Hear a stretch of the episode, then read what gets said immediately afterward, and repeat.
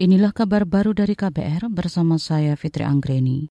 Menteri Dalam Negeri Tito Karnavian meminta seluruh kepala daerah dan jajaran untuk mewaspadai lonjakan inflasi jelang libur Nataru dan kampanye pemilu 2024. Sebab kata dia ada tren peningkatan inflasi dalam dua bulan terakhir.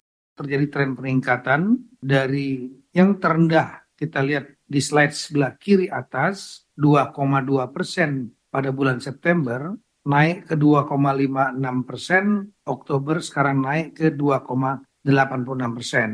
Kalau tren ini kita tidak cermati dan kita tidak atasi, artinya bulan depan potensi untuk naik ke angka 3 persen. Angka psikologis. Angka di atas 2 itu angka aman. Angka 3, angka yang perlu diwaspadai.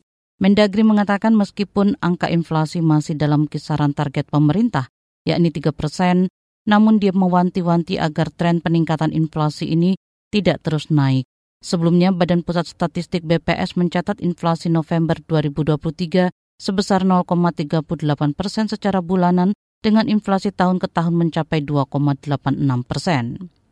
Kita ke informasi berikutnya. Ketua Nonaktif Komisi Pemberantasan Korupsi KPK Firly Bahuri meminta Hakim Tunggal Pra Peradilan Pengadilan Negeri Jakarta Selatan Imelda Herawati memerintahkan Kapolda Metro Jaya Irjen Pol Karyoto untuk menerbitkan surat perintah penghentian penyidikan SP3 kasus dugaan korupsi yang menjerat dirinya.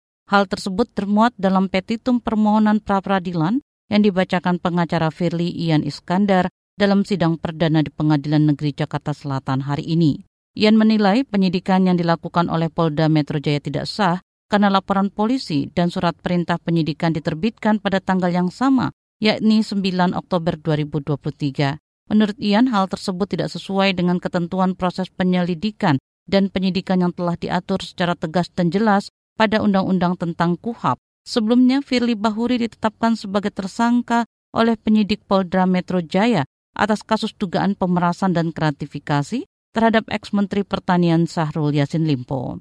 Masih soal hukum, sidang pra-peradilan yang diajukan oleh tersangka kasus dugaan suap Edward Omar Syarif Hiarich alias Edi Hiarich, Yosi Andika Mulyadi, dan Yogi Ari Rukmana ditunda selama satu pekan. Alasannya Biro Hukum KPK tidak bisa hadir dalam agenda sidang perdana hari ini. Dalam keterangannya Hakim Tunggal Pengadilan Negeri Jakarta Selatan Estiono mengatakan sidang ditunda hari Senin pekan depan Kepala Bagian Pemberitaan KPK Ali Fikri menjelaskan tim Biro Hukum KPK sudah menyurati hakim terkait permohonan penundaan jadwal sidang sebab tim masih melengkapi dokumen dan ada agenda lain sidang di luar Jakarta. Sebelumnya Edi Hiarich, Yosi dan Yogi mendaftarkan pra-peradilan ke PN Jakarta Selatan pada Senin 4 Desember 2023. Mereka ditetapkan KPK sebagai tersangka kasus dugaan suap 8 miliar rupiah. Demikian kabar baru dari KBR, saya Fitri Anggreni, salam.